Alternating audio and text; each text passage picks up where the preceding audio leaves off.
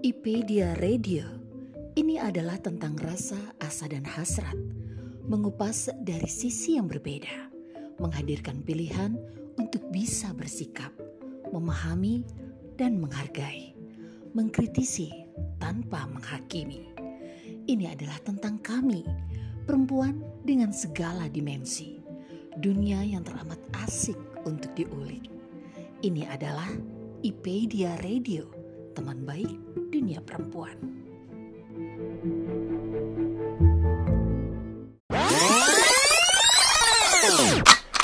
Waduh, pertanyaannya ini dalam banget. Ya terakhir itu pas pas dia pasang ventilator nih itu terakhir. Kalau saya sih suka nulis itu sebenarnya sejak kecil. Uh, saya mau order buat ulang tahun uh, ibunda Bapak Jokowi Februari yang kemarin itu. Itu juga yang dibilang sama ibuku. Hanya orang-orang terpilih yang bisa menjadi suami MS. Serius masih di Rusia berarti tas-tas itu? Iya, betul. Kok Bu Mauri nekat-nekatnya sih bikin komunitas? Mereka berbagi tentang dirinya, tentang dunianya. Perempuan-perempuan keren yang penuh inspirasi. Ikuti obrolan seru mereka hanya di Kata Hati, IPedia Radio, teman baik dunia perempuan.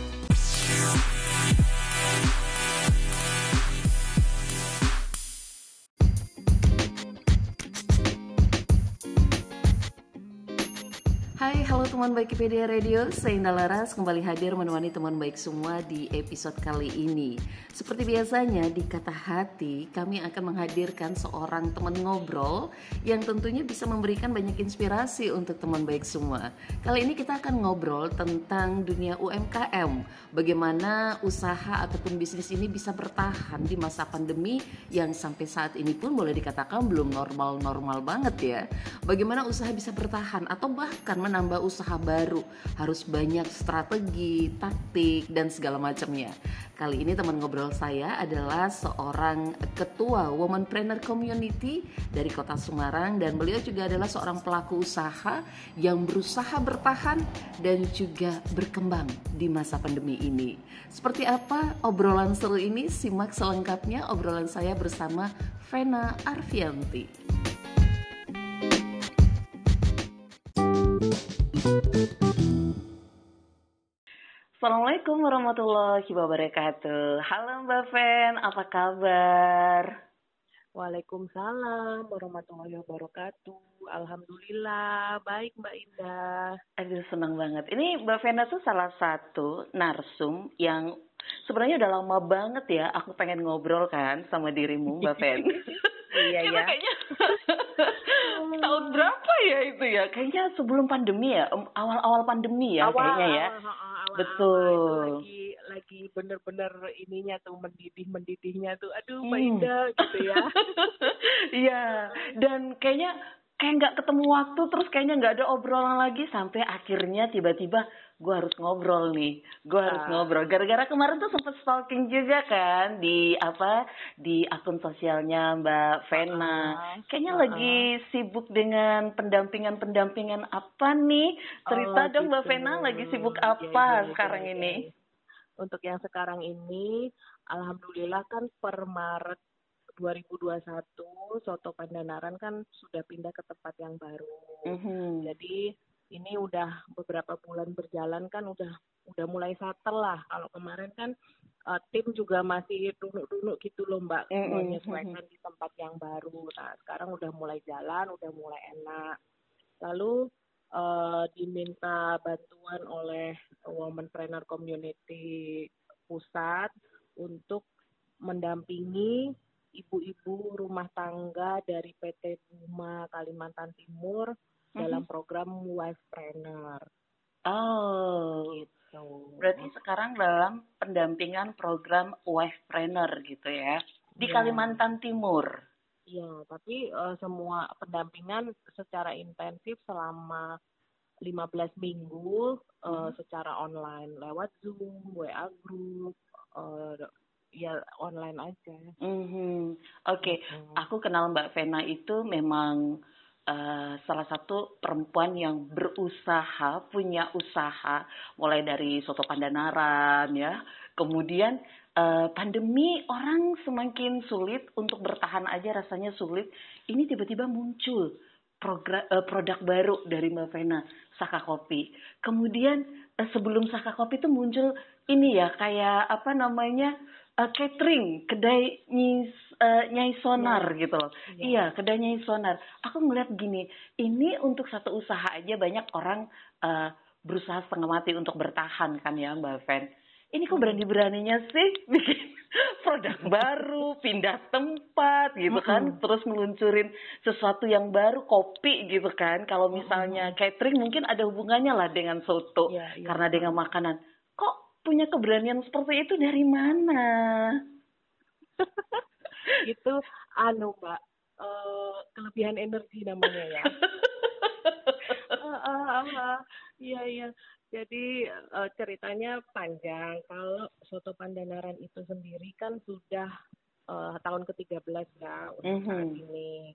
Dan karena memang, nah itu tadi uh, passion kalau kita udah udah nemu passion mbak mm-hmm. rasa capek rasa malas rasa menunda itu nggak ada lagi karena ya memang udah passion kita di sini semua dijalani dengan bahagia mm, terus okay. kenapa tumbuh uh, unit usaha yang lain mm-hmm. padahal mm-hmm. yang lainnya aja mati-matian mempertahankan mempertahankan satu gitu ya ini yeah. juga salah satu bagian dari strategi mbak Indah Oh, gitu.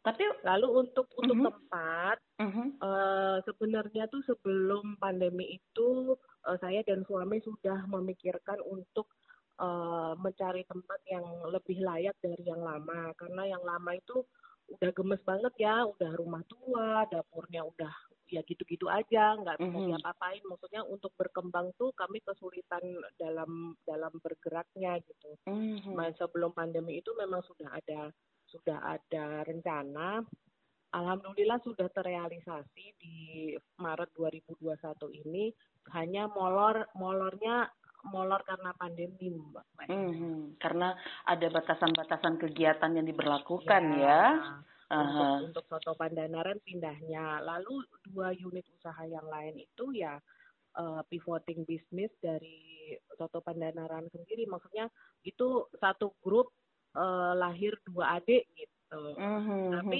intinya dapurnya sama itu yang sering orang bilang uh, ghost kitchen atau konsep cloud kitchen itu. Mm -hmm, mm -hmm.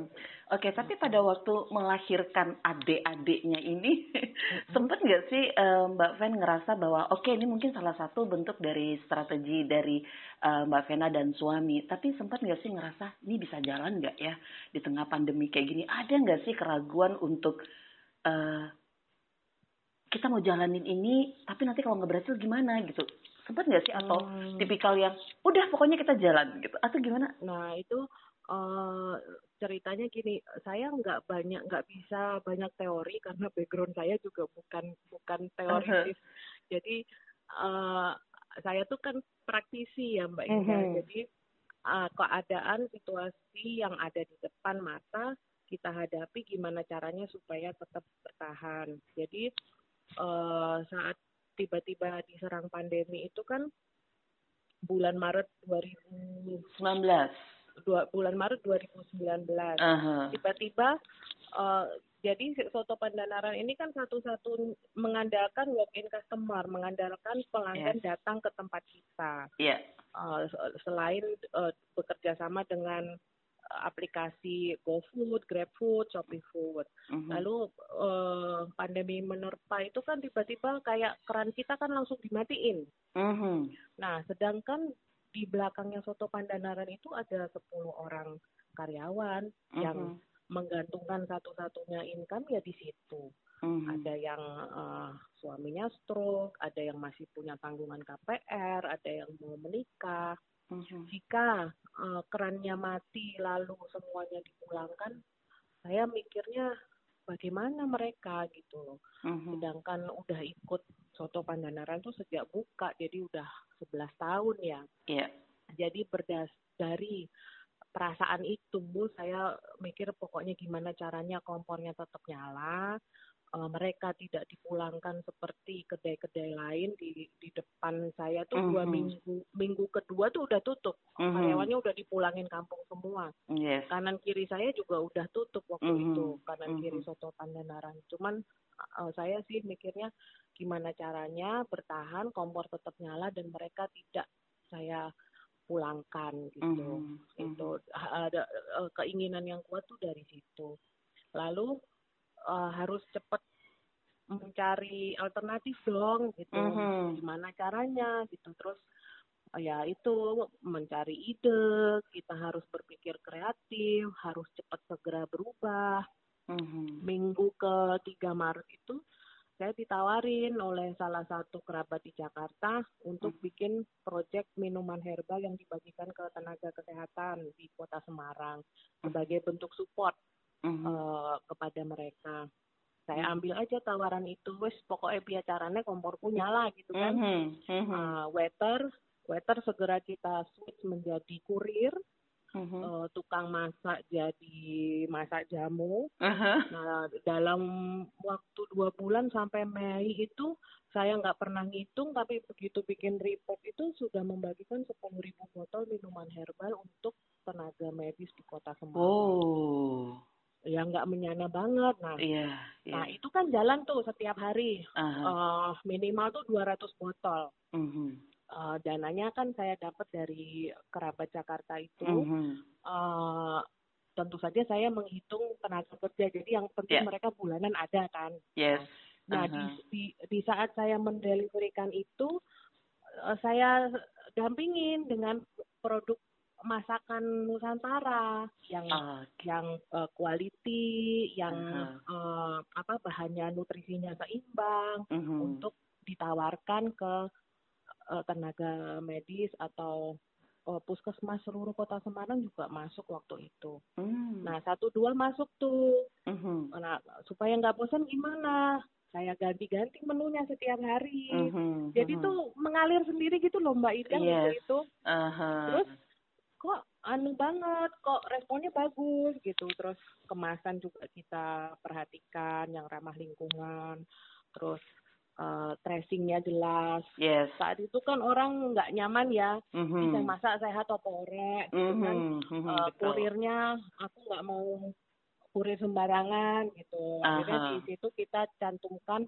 uh, supaya ada trace dari konsumen uh, ada ada kartunya itu yang jelas mm -hmm. yang masak siapa, mm -hmm. yang suhunya ya, sampai sedetil itu. Jadi memang uh, perubahan perilaku konsumen itu kan langsung jeglek banget kan. Betul. Mereka jadi lebih mereka jadi lebih riwil, mereka uh -huh. jadi lebih waspada. Jadi mm -hmm. kita ngikutin itu dan harus cepat gitu apa mm -hmm. adaptasinya nggak lama-lama. Mm -hmm. Ya memang akhirnya tukang masak jadi kebetulan uh, juru masak di soto Pandanaran itu kan sudah sepuh-sepuh dan masakan masakan tradisionalnya kan sedep-sedep. Mm -hmm. Jadi akhirnya tinggal saya poles aja rasanya, packagingnya, mm -hmm. quality bahannya. Nah, mm -hmm.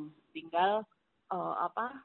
Lalu kita tawarkan aneka menunya yang berganti setiap hari gitu. Mm -hmm. Jadi ya sambil jalan ternyata responnya bagus ya sambil jalan juga saya memperbaiki akhirnya lahir kedainya Isonar itu yeah. Isonar yeah. kalau ya Ghost Ghost Kitchen namanya ya jadi uh -huh. kalau dicari di kalau dicari di jalan offline ya nggak ada yeah, kalau dicari ya soto pandanaran yes dan dan gitu. uh, dan seru ya kalau menyimak tadi apa yang disampaikan Mbak Fen itu berarti kan uh, sebenarnya tinggal bagaimana kita merespon kondisi pandemi ya. itu terhadap usaha kita ya Mbak Fen ya. Betul, betul. Plus sama satu yang menurut aku tuh jadi nilai plus banget adalah empati mungkin hmm. bisnis itu memang harus didasari ya. sama atau dilandasi dengan empati ya bahwa ya, gimana nih caranya. Sempet sih aku keingetan waktu mbak Vena uh, apa ya japri japri gitu kan. Ini menu ada yang mau pesen nggak gitu. Ini hmm. luar biasa loh teman-teman. Mbak Vena tuh dari mulai pertama kali kedainya Sonar itu menawarkan uh, makanan tradisional untuk lauk pauk itu sampai hari ini tidak pernah absen untuk nge-share menu hari ini, menu hari ini. Beneran, beneran. Iya. Itu menurut aku salah satu kunci dari apa ya, kayak konsisten gitu loh melakukannya. Ya enggak sih Mbak Ven? Dari samping tadi Mbak Vena punya empati yang besar, gimana caranya supaya dapur tetap ngebul, karena waktu itu sempatnya, pokoknya apa aja aku jual Mbak Indah, yang penting dapurku ngebul, karyawanku dapat uang gitu. Dan dilandasi empati plus konsistensi menjalankannya. Kalau menurut Mbak Vena, apa sih sebenarnya modal terbaik untuk para teman perempuan nih yang juga punya bisnis dan ngerasain mungkin juga kesulitan di masa pandemi ini? Ya, ya yang pertama eh, bisnis itu bukan sekedar jual beli Mbak Indah. Oke. Seperti yang Mbak Indah kemukakan tadi, jadi ada empatinya di situ, ada ap- ma- kehadiran kita, kehadiran usaha kita itu memberi memberi dampak apa ke lingkungan kita sekitarnya. Hmm. Itu juga secara tidak langsung nggak saya sadari, tapi eh, passion itu mungkin menjadi salah satu faktor yang penting ya, Mhm. karena saya kan akhirnya waktu ditama, ditawarin bikin minuman herbal itu kan Mhm. eh, saya kan akhirnya mikir gimana caranya supaya kompornya nyala. Yes. Jadi saya nggak mikir margin, saya nggak mikir untung, Hmm, tapi saya ba- bagaimana usaha saya ini bisa ikut berpartisipasi dalam menghadapi pandemi ini. Jadi us- bisnis itu nggak cuma sekedar jual beli aja. Mhm, mhm. Nah, eh, lalu yang kedua eh, passion, yang ketiga eh, konsistensi ya. Ya maaf mungkin ada yang bosen saya share tiap hari menu ini, tapi eh, itu akan membu di, di secara tidak disadari itu akan jadi misalnya Mbak Indah butuh sesuatu yang kepepet, Ah, yang nyantol, yang diingat mesti aku, yes. ya kan? Nyai sonar. Mbak Vena, temanku sakit, aku mau kan kita nggak bisa berkunjung ya sekarang Uh-uh, ya. betul. Eh, kirimin dong ke sana ucapannya begini begini. Nah, ya Uh-huh. itu yang yang dilihat sama dinilai sama orang Mhm. konsistensi kita dan integritas kita gitu. Mhm. Nggak nggak yang jual nasi liwet kan banyak ya Mbak Indah. Betul. Tapi bagaimana kita memberi nilai lebih dari nasi liwetnya ini? Iya, betul banget. Menarik banget ya kalau menurut Mbak Vena tadi bilang bahwa eh, usaha atau bisnis yang kita jalanin itu eh, harus bisa memberikan value atau nilai lebih untuk lingkungan kita. Ini eh, jarang-jarang, maksudnya kadang-kadang orang lebih bisnis itu kayaknya lebih banyak egoisnya gitu ya, untung untuk diri sendiri atau kelompok tertentu gitu.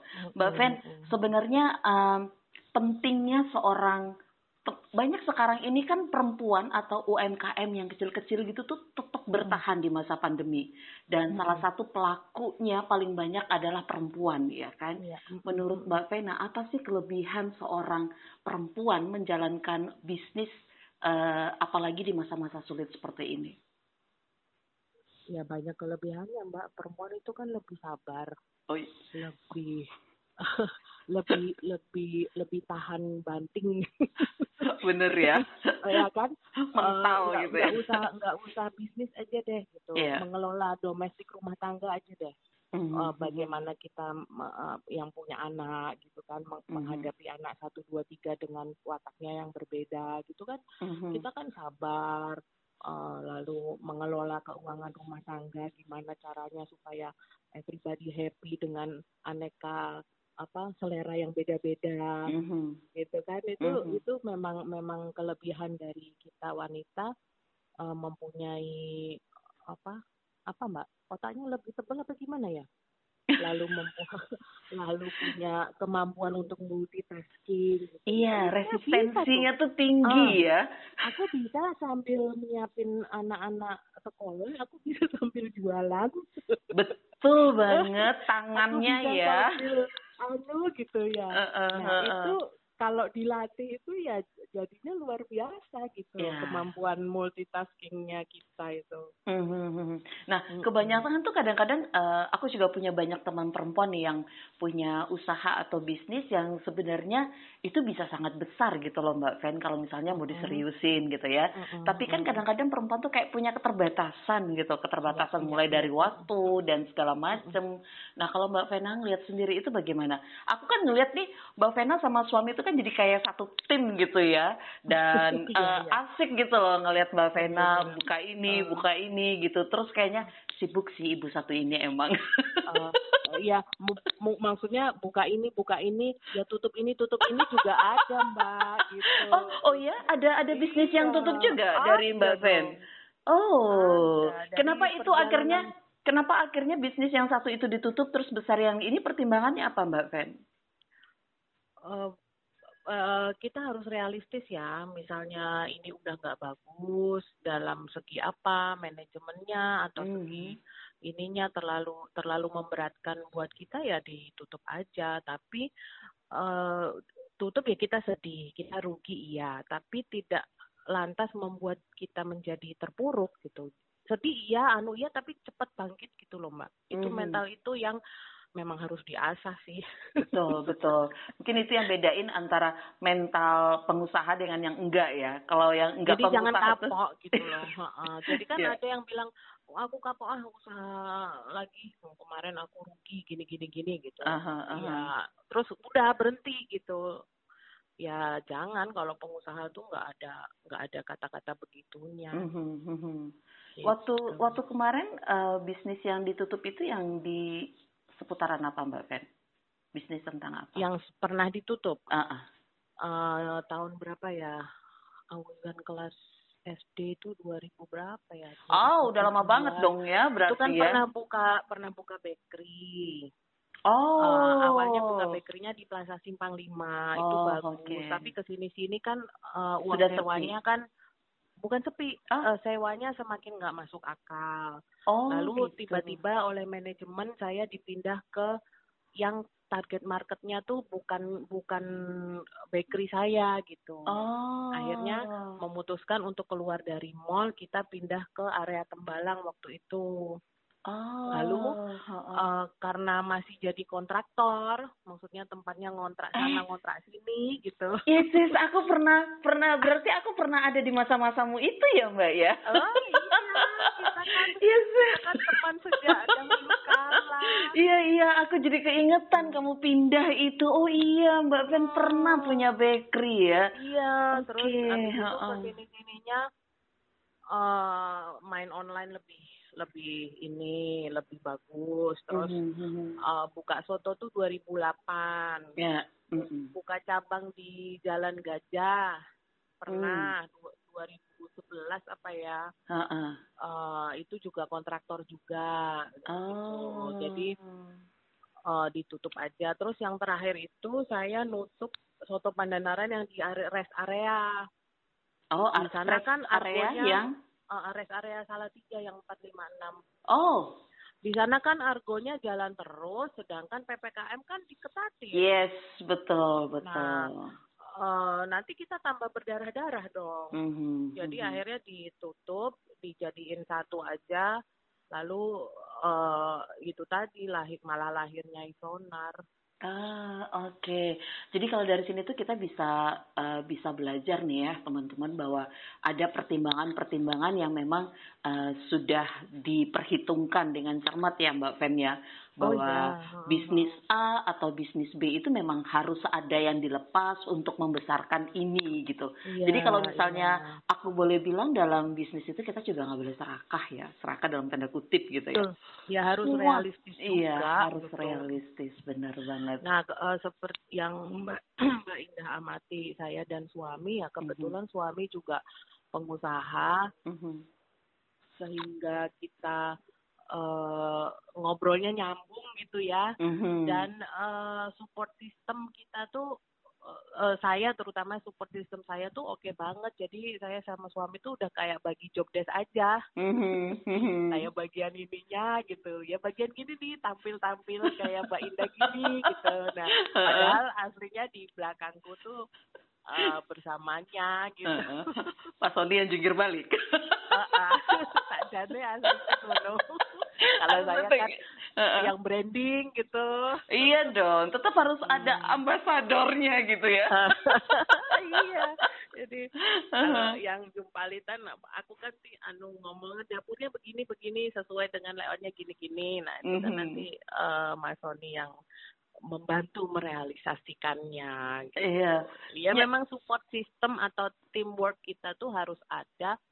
Jadi nggak kita dirjen, direktur ijen, wah ya pusing kita mbak. Direktur izin. Iya, seru seru karena eh, memang untuk bikin jadi satu tim sama suami itu memang harus nyambung dulu Iya, sama iya. dulu gitu ya dan beruntung banget ya. Walaupun sebenarnya eh, sosok dari suaminya Mbak Vena tuh saya nggak begitu kenal-kenal banget, kenalnya sama ibu satu ini. Tapi terlihat gitu teman-teman kerjasama atau kekompakan eh, tim atau pasangan Padahal nggak itu. pernah nongol loh beliaunya ya. Aku melihat dari sisi yang lain gitu ya. Oh gitu ya. Karena memang eh, bisnis itu kita nggak bisa jalan sendiri ya Mbak Fen. Banyak Iya, banget kan ya. Baik itu Iya. termasuk yang tidak berhubungan langsung seperti misalnya support system, keluarga, anak-anak. Itu salah satu bentuk juga untuk kita bisa Betul, jalanin betul, bisnis betul, dengan betul. lancar dan baik. Dan serunya nih anak-anaknya Mbak Fen tuh juga hobi masak loh ya. Gimana Belva? Masih suka masak? Belva ini lo, alhamdulillah mengerucut gitu. Dia kemarin kan ini udah kelas 9 saya nanya gimana dia Mhm. mau ke mana. Mau kayak mama aja katanya Oh, gitu. keren. Alhamdulillah. Kader nih harus kader nih. Iya, Mbak Fen, aku mau nanya dong, menurut Mbak Fen itu seorang ibu tuh perlu nggak sih berbisnis? Apa sih yang didapat dari ilmu apa gitu ya? Atau nilai-nilai apa yang didapat dari seorang perempuan atau ibu yang menjalankan bisnis? Gitu? Kalau untuk saya pribadi nggak harus bisnis sih, tapi punya aktivitas, punya passion. Saya waktu itu nggak muluk-muluk usaha harus gede, Mhm. tapi anak itu melihat melihat aktivitas kita. oh, mereka oke. mereka ada contohnya gitu loh. Mhm, Jadi mhm. aku nggak mau na- mereka kelak cerita bahwa mamaku itu nggak ngapa-ngapain, pembantu ada, eh, kerjanya nonton drakor setiap hari gitu. Tapi mereka melihat aktivitas saya gitu, Uh-huh. eh, bahwa sama ibunya itu juga selain domestiknya beres gitu, Mhm. memperhatikan mereka, tapi punya eksistensi sendiri gitu loh mbak. Mhm.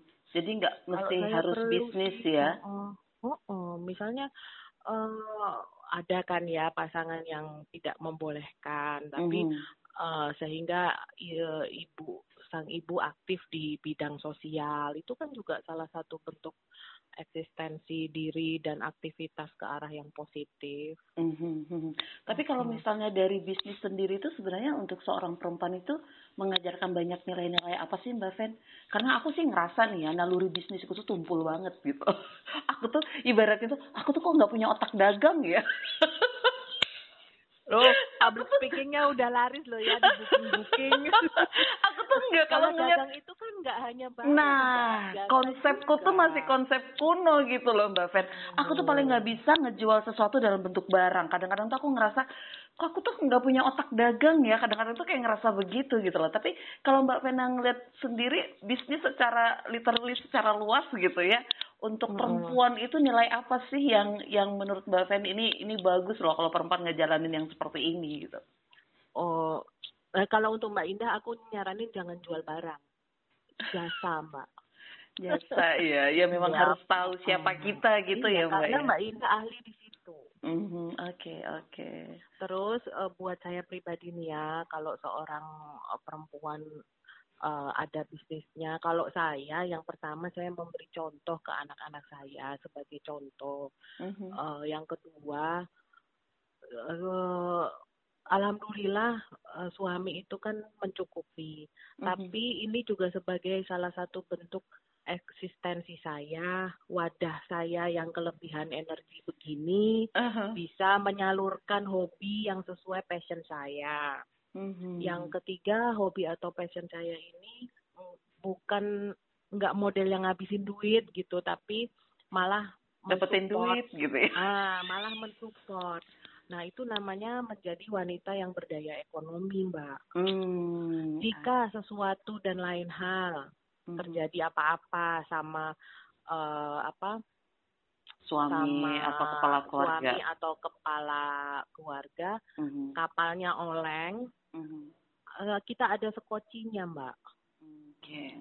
Karena Gitu. eh, apa ya kekuatan kekuatan ekonomi itu kan bikin man- kemandirian kita tuh juga lebih iya lebih tangguh ya Hmm. eh, Mbak Fen karena kalau kepengennya begitu Hmm, karena kalau kita kait-kaitkan gitu ya bahwa eh, perempuan itu butuh juga untuk berdaya secara ekonomi dengan sisi yang lebih positif kita melihatnya. Iya, Karena iya. banyak juga sih, masih banyak juga eh, kata-kata yang kadang-kadang nggak enak. Apa sih udah suaminya nyukupin kurang apa lagi gitu kan? iya. aku sering ada yang japri gitu Oh gitu, bilang Mbak dong. Vena nih buat mainan doang kayak ginian gitu. ya nggak apa-apa kalau bilang saya gitu gitu, tapi saya melakukan Serius tanda kutip ya. mainan saya ini dengan serius, saya kemas dengan baik, saya konsisten gitu. Eh, eh ini Eh. sama loh dengan core-nya ibu profesional. Main Oh, ya? itu nggak ada yang main-main. Main itu pasti Hmm. selalu serius. Iya. Iya kan? Oh, cocok deh. saya dari IB. Saya jadi Iya. member IB, boleh nggak? Bu Septi ada yang daftar langsung nih Bu. Asik. saya juga banyak belajar sama Bu Septi loh. walaupun, Iya ya. eh, kepo-kepo dari aneka medsos ya. Iya Sama karena seminar-seminar dulu. Iya betul ya karena eh, kita tuh memang kalau di IP itu kan lebih banyak dengan konsep bermain tapi yang bermain itu selalu aku inget banget ibu Iya. bilang coba deh tanya sama anak-anak. Anak-anak itu kalau main tuh nggak ada yang nggak serius. Mereka sangat serius. Main Hmm. ah bener juga ya. Main kita kalau serius itu ya kayak mbak Vena. Main-mainnya itu bisa dapetin cuannya banyak gitu loh. Alhamdulillah.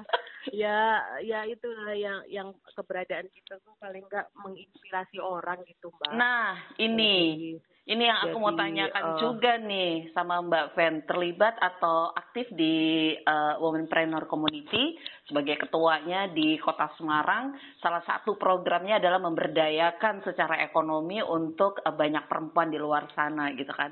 Tadi di awal udah disinggung uh, menjadi pendamping untuk uh, uh, wavepreneur ya di salah satu perusahaan di Kalimantan Timur. Sebenarnya apa sih uh, yang ingin Mbak Vena dapetin dari bergabung di komunitas tersebut dan mendampingi para teman-teman perempuan itu untuk berdaya secara ekonomi? Oh ya, Eh, dari usia sekolah tuh saya memang suka eh, berorganisasi, suka Hmm. eh, kumpul eh, untuk arah yang positif ya. Kalau sekarang kan komunitas namanya gitu. Mhm. Nah, eh, saya merasa kebuntuan dalam mengelola soto Pandanaran kan cari-cari kita harus belajar terus gitu. Mhm. Akhirnya saya tahun 2017 itu saya belajar lagi ikut program di Women Community itu inkubator bisnis. Mhm. Nah, sekarang perjalanan waktu untuk periode ini eh, saya merupakan ketua Mhm. Womenpreneur Community untuk Kota Semarang. Mhm. Nah, yang di pusat foundernya itu eh, ad- eh, ada kerjasama dengan PT Puma di Kalimantan Timur itu Mhm. untuk mementoring ibu-ibu atau istri-istri dari karyawan Puma untuk me- me- me- apa ya, mencari mereka itu punya produk atau pu- punya usaha Mhm. yang bisa membantu suaminya gitu, bisa Ah. membantu uh, ekonomi rumah. Hmm. Nah, saya ditunjuk menjadi salah satu LO-nya, pendampingnya, Mhm. dan saat ini saya sedang mendampingi tujuh orang, uh, dua dari Tenggarong, satu di Balikpapan, Purbalingga, Oh, uh, Jakarta. Ya. Nah, itu uh, mendampingi mereka sehingga usaha mereka itu punya pondasi yang jelas, punya legalitas, Mhm. packagingnya juga benar. Jadi ya itu tadi main-main tapi eh, serius, main-main tapi eh, konsisten. Eh, ya. Nah, itu saya dapetin, saya juga bela dapat belajar dari eh, PUM Belanda, Mbak. Mhm. Itu dapat secara gratis di mentoring oleh eh, kita tinggal pilihnya apa saya milihnya kan hospitality jadi saya Mhm. mentor saya kemarin dari Utrecht dia punya restoran di Utrecht Mhm. jadi saya juga banyak dibantu sam oleh Lucy namanya Mhm. bagaimana cara mengatur layout eh, dapur yang baik, bagaimana Ah. cara mengemas makanan. Nah, terus saya mikir gitu loh, saya dapat ilmu ini dari mana-mana Mhm. eh, dengan dengan biaya yang minim. Mhm. Nah, kenapa nggak gantian saya yang Yes, eh, share gitu? betul. Nah, itu betul. kan kesuksesan seseorang itu nggak dilihat dari seberapa gede saldonya kalau saya bilang Mhm. Mhm. kesuksesan seseorang itu dilihat apakah dia menginspirasi orang lain. Mhm. Nah, Dalam itu arti yang saya coba coba eh, saya cobalah siapa Mhm, tahu a- mhm. aku yang begini-begini bakul soto ini bisa menginspirasi gitu kan. Alhamdulillah. gitu. Bakul soto. Eh tapi bener Itu juga ya emang bakul soto. soto ya. Iya, so what gitu loh. Eh, betul. Intinya adalah lebih bermanfaat ya keberadaan kita dengan apa yang kita punya ya. Iya, aku juga ngerasa bahwa sharing itu lebih memperkaya kita ya Mbak Fen ya. Bahwa ilmu kadang kita dapat itu bahkan kadang-kadang kita dapat gratis gitu loh. Kenapa Iya, kita nggak mau sharing ke orang lain gitu loh? Betul, betul, betul. Oke, aduh thank you banget. Ini obrolan singkat yang seru banget. Jadi kangen ya ketemu. Iya, ayo dong pendengar IPedia mampir ke Soto Pandanaran buka sejak 6.30 di Jalan Sriwijaya. Nyoto soto parunya enak loh. Gimana Iya. sih malah promo? iya. Oke, Dan Mbak nyoto Fen. sambil ngopi gitu Nyoto ya. sambil Ayo, ngopi aku ya. Iya, asik. Thank you banget Mbak Vena untuk waktunya, untuk obrolannya yang luar biasa. Eh, meskipun singkat, kita banyak belajar banget nih harus bagaimana dan bersikap seperti apa dalam menjalankan usaha. Sukses terus untuk soto pandanarannya, untuk saka kopinya, untuk kedai nyai sonarnya, Iya. dan juga untuk keluarga. Amin. Salam, sehat-sehat saja semuanya. Amin, amin. Dan mudah-mudahan kita punya rezeki untuk bertemu ya Mbak Fen secara offline. Matur nuwun Mbak Indah. Harus dong kita ketemu. Yes. Terima kasih Mbak Fen. Sama-sama, Mbak Assalamualaikum warahmatullahi wabarakatuh. Waalaikumsalam warahmatullahi wabarakatuh. Terima kasih telah mendengarkan episode kali ini. Tetap stay tune di IPedia Radio, teman baik dunia perempuan.